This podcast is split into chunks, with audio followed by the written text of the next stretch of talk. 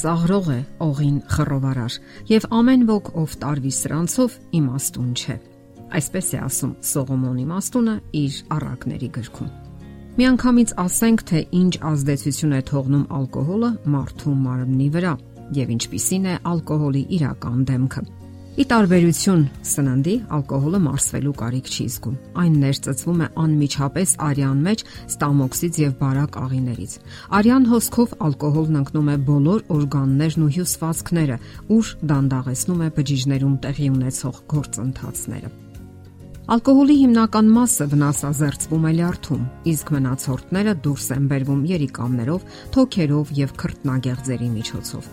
Ալկոհոլը քայքայում է ուղեղանյութը եւ սաստկացնում է դրա արյունամատակարարման տարիքային խանգարումները։ Նույնիսկ ալկոհոլի փոքր քանակը ազդում է տեսողության, հակազդեցության արագության, տեղեկատվության ընկալման եւ մշակման ունակության, առողջ դատողության, ինքնավերահսկողության վրա։ Ալկոհոլի երկարատև չարաշահումը թույլատնում է մկանների աշխատանքը, բթացնում ցավի, ջերմության, ճնշման զգացողությունը եւ տարածության մեջ կողմնորոշվելու ունակությունը հսկող նյարդերը։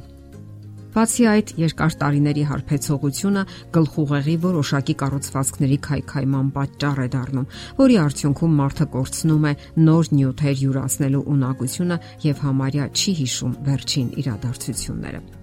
Ալկոհոլի չարաշահումը կարող է նաև առաջացնել հալյուցինացիաներ, այսինքն զգայախապություն, պատրանք։ Ալկոհոլը մեծացնում է սրտամկանի ինֆարկտի առաջացման հավանականությունը։ Հոգելից խմիչքները մեծացնում են խոլեստերինի վնասակար քանակը, ինչը կարող է մեծացնել սրտամկանի ինֆարկտի առաջացման վտանգը։ Ալկոհոլը առաջացնում է արյան ճնշման բարձրացում, որը կարող է կաթվածի հանգեցնել։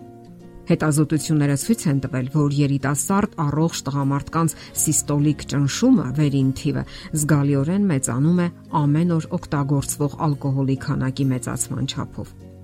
Չափավոր խմողի մոտ կաթվածի առաջացման հավանականությունը 3 անգամ բարձր է, քան ոգելից խմիչքներ չօգտագործողի մոտ։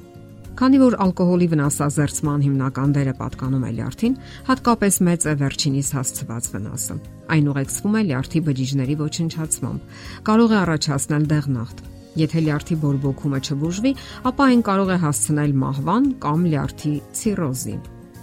Հիվանդության ախտանիշների մեջ են մտնում քաշի կորուստը, թուլության, հոգնածության զգացողությունը, սեռական հակվածության նվազումը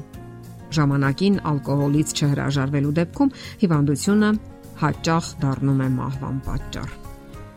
Ալկոհոլը մեծացնում է նաև քաղցկեղի առաջացման վտանգը։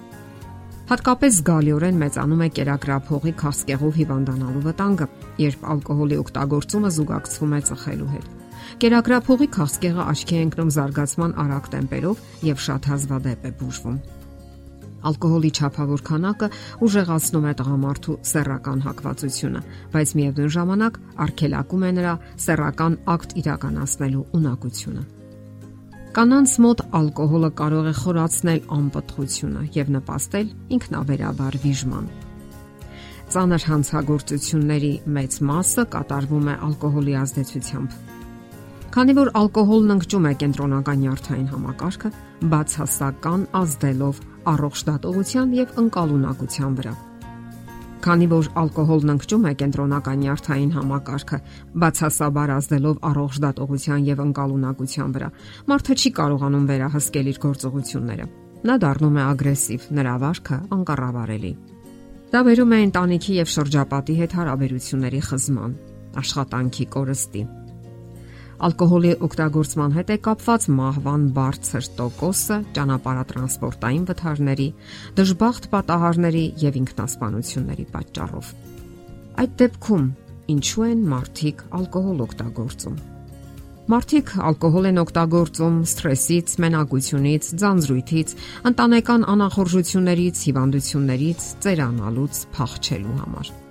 Իսկ որքանով է ալկոհոլը արդարացնում մարդկանց հույսերը այդ առումով։